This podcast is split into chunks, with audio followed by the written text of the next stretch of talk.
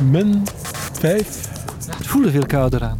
Ja, en dan stel je je voor, hè. flatgebouwen zijn gestort, huizen zijn gestort. Wat speelt er zich af in het rampgebied van de aardbeving? Iedereen stuurt zijn hulpverleners, die Wie, staan wie waar, wie coördineert. Niet te overzien. Ja.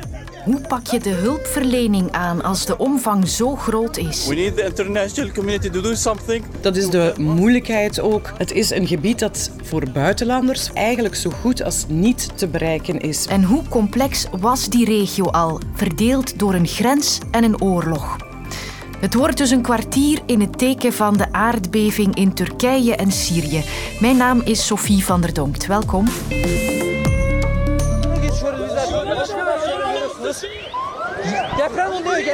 Het hele bed was aan het heen en weer gaan. Het duurde twee minuten. De deuren van die kast die, die gingen heen en weer. Echt, was zo erg. Toen het afgelopen was, zijn we naar de auto gegaan. En toen zijn we daar gebleven. Daarna begon het te regenen en te sneeuwen. De mensen hebben het heel koud. We zitten gewoon buiten in de auto's. Niemand is in de woningen.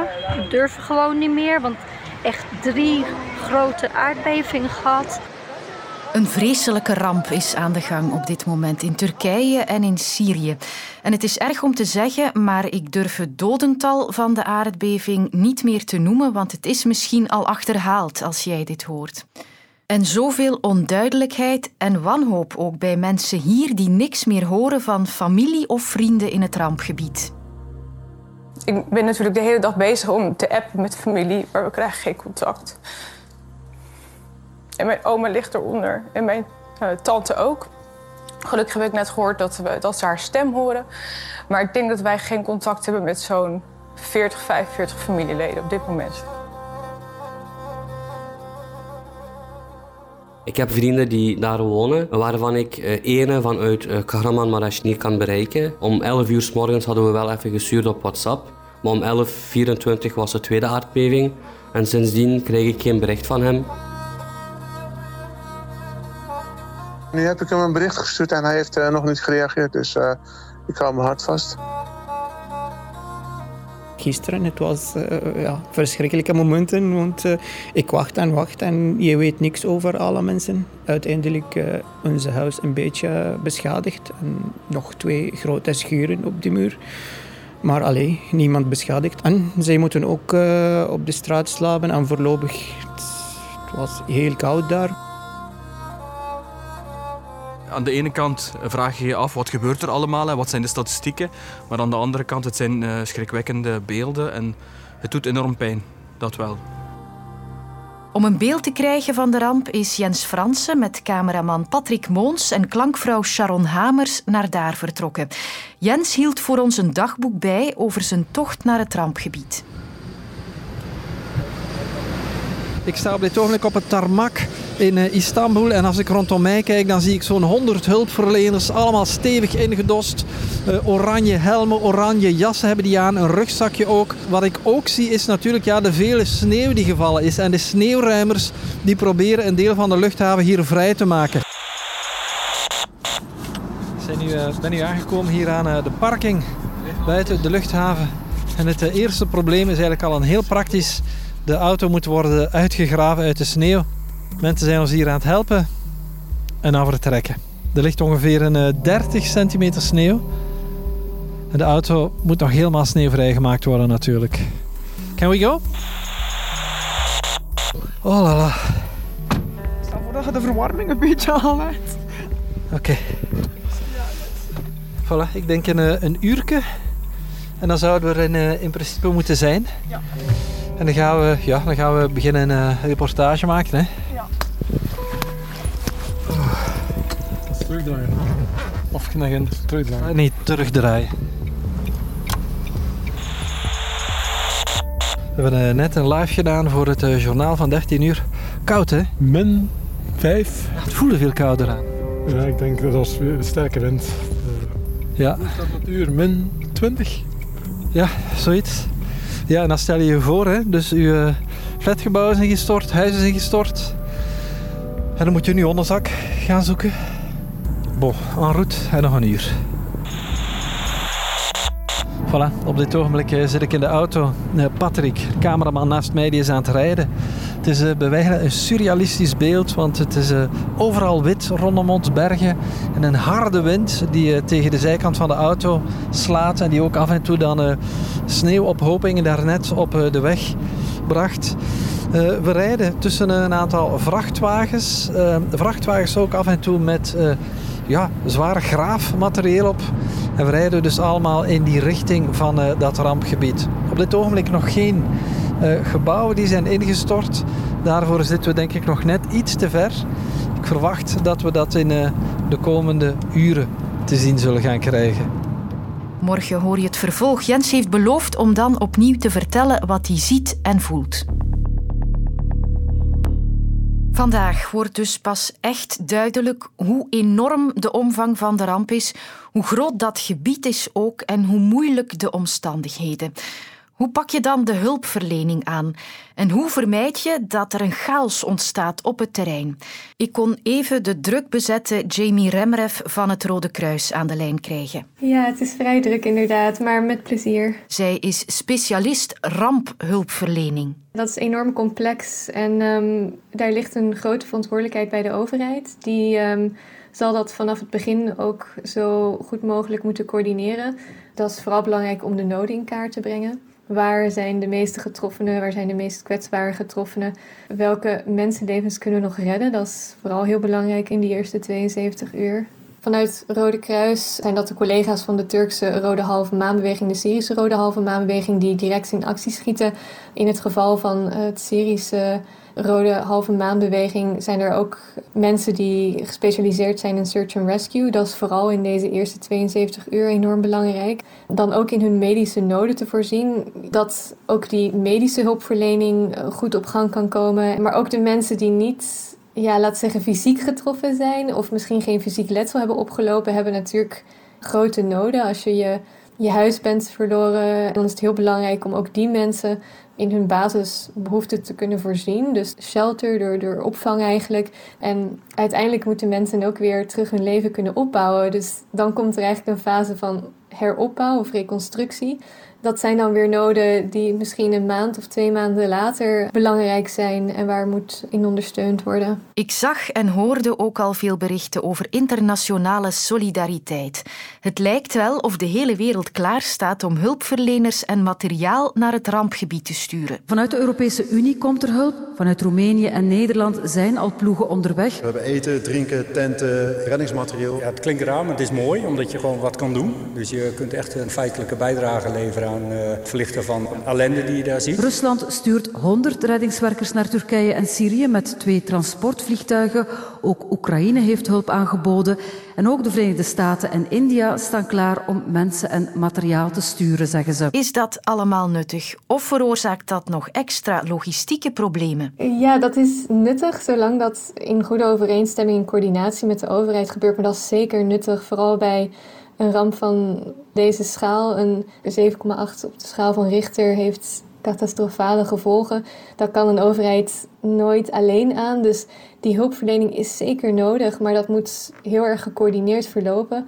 Altijd zeker de lead bij de overheid houden en ehm, een stukje chaos gaat altijd wel gepaard met een ramp van dat kaliber. Maar als mensen aan een ramp denken, denken ze vooral aan een responsfase. Hè? Dus aan het moment dat er iets gebeurt en daar dan op reageren. Maar eigenlijk gaat er ook heel erg veel werk in voorbereidingsfase van uh, risicomanagement zitten. Dus als een bevolking beter is voorbereid op wat te doen tijdens een ramp.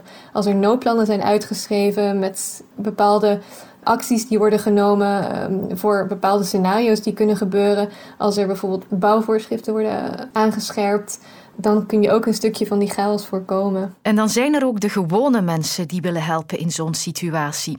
Veel moskeeën hier bij ons zijn bijvoorbeeld in actie geschoten. Mijn collega's van Radio 2 gingen vanmorgen kijken bij een moskee in Antwerpen. Hallo. Mag ik hier uh, wat kleren mogen achterlaten, alstublieft? Alles zit bekend vol. Echt overvol zelfs. Ah, oké, okay, nee, ça va. Ik zag het bericht van nacht toen ik wakker werd uh, op de Gazet van Antwerpen. Ik dacht van, dan ga ik direct naar de moskee. Dus we hebben alle spullen bij elkaar gebracht. Al het skigerief van mijn kinderen dat te klein is, allemaal klaargelegd. Ik heb donsdekens. En er komen vandaag twee vrachtwagens. Eentje is al vertrokken, denk ik. En de tweede gaat vrijdag vertrekken. En ze blijven maar komen. Ja, hier nog een auto. Want, want de, het ligt hier binnen vol, hè? Ja, vol. Ik denk meer dan duizend dozen. Dat klinkt allemaal hartverwarmend.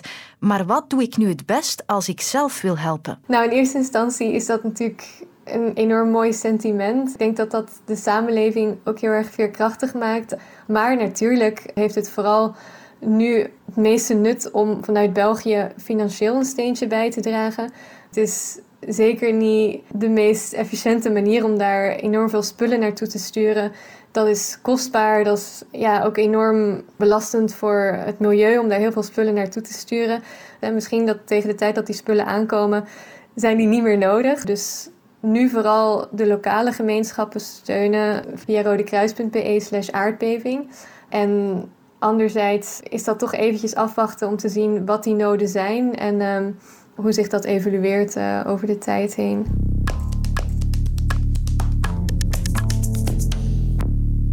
En laat mij ook nog een keer inzoomen op het gebied waar al die mensen nu gered en geholpen moeten worden. Dat is het grensgebied van Turkije en Syrië. Het is daar een heel ingewikkelde situatie. Inge Franke, we staan hier bij een kaart van die regio. Jij bent daar al verschillende keren geweest, hè? Zeker, ik ken het daar behoorlijk goed. Vooral de Turkse kant. Ja. ja. Laten we dan maar aan die kant beginnen. Dicht bij het epicentrum van de beving ligt hier Gaziantep, een stad met 2 miljoen inwoners. Wat voor een stad is dat? Het is een soort van industriestad. Je hebt daar heel veel bedrijven die in heel die regio werken. Je hebt daar ook heel veel internationale hulpverleners, omdat je daar in het zuiden van Turkije ook met ongelooflijk veel Syrische vluchtelingen zit. Net omdat je zo dicht bij de grens uh, bent natuurlijk. Maar het is vooral een verouderde stad. Uh, je vindt daar heel weinig nieuwe of moderne gebouwen. Wat ook maakt dat die gebouwen heel erg kwetsbaar zijn als ze getroffen worden door uh, zo'n zware schokken zoals bij de aardbevingen, moeten we al zeggen, nu gehad hebben. En veel mensen bij elkaar, vermoedelijk. Heel veel mensen bij elkaar. Ik ben daar in heel veel woonblokken geweest. Want Gaziantep ja, heeft een hele grote wijk die Klein Syrië genoemd wordt. Omdat daar eigenlijk alleen maar Syriërs wonen. In kamertjes waar dat ze met 10, 15, soms 20 familieleden samen op de grond slapen, omdat ze zich niks anders kunnen permitteren. Dus je kan je inbeelden als zo'n woonblokken ingestort zijn, dat het niet anders kan, dat, dat daar heel veel mensen onder het puin liggen. En als we dan naar beneden opschuiven, naar Syrië, ja, dan komen we meteen eigenlijk in oorlogsgebied, ja. hè, al sinds 2011. Dat is de moeilijkheid ook. Het is een gebied dat voor buitenlanders, voor ons, eigenlijk zo goed als niet te bereiken is. Wij krijgen geen toestemming om Syrië binnen te komen. En dat geldt ook voor heel veel internationale hulporganisaties. Want dit is een gebied dat onder controle staat van de rebellen. Dat is eigenlijk het enige gebied, als je dan naar heel Syrië kijkt, waar het regeringsleger en het regime van Assad het niet voor het zeggen heeft. Maar dat maakt ook dat dat een afgesloten gebied is, waar dat bijvoorbeeld het Syrische leger ook niet zal en ook niet kan komen helpen. Want daar zitten nog altijd gewapende groeperingen, daar wordt gevochten. We need the international community to do something to help us, to support us. Northwest Syria now it's a disaster area. We need help. Toch Inge horen we hier in Syrië smeken om internationale hulp, maar hoe moeilijk wordt het om Syrië binnen te raken? Wel, dus als je op de kaart kijkt, dan zie je dat de grens tussen Turkije en Syrië ongelooflijk lang is. Hè. Dat is een ongelooflijke lijn van uh, meer dan duizend kilometer. Daar zijn verschillende grensposten, maar je hebt speciale pasjes nodig om die te mogen oversteken. Dat gaat echt niet zo gemakkelijk. En er is maar één grenspost en die heet Al-Baab. Dus die ligt zo in het midden Centraal van die... onder Gaziantep? Ja, van die lijn van 1000 kilometer.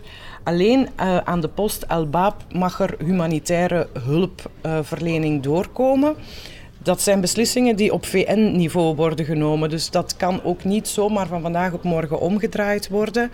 En dat is de vraag. We weten eigenlijk niet of die grenspost El Bab is die beschadigd. Kan daar nog hulp doorkomen?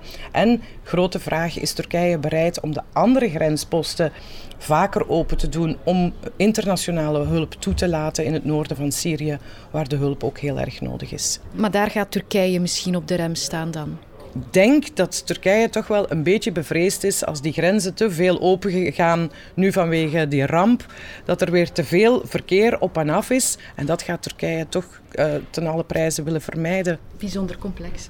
Heel erg complex. Dit is waarschijnlijk de grootste aardbeving in dit gebied in ja, enkele honderden jaren tijd. Als dat komt bovenop een oorlog die al meer dan tien jaar duurt en waar de gevolgen elke dag zo extreem zijn, maar wij horen daar nog heel weinig over.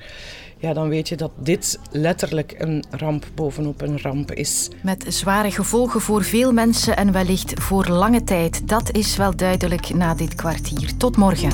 Je dagelijkse afspraak met het kwartier in de auto. Dat kan nog handiger en veiliger. De app van VRT Nieuws is ook beschikbaar via Apple CarPlay en Android Auto.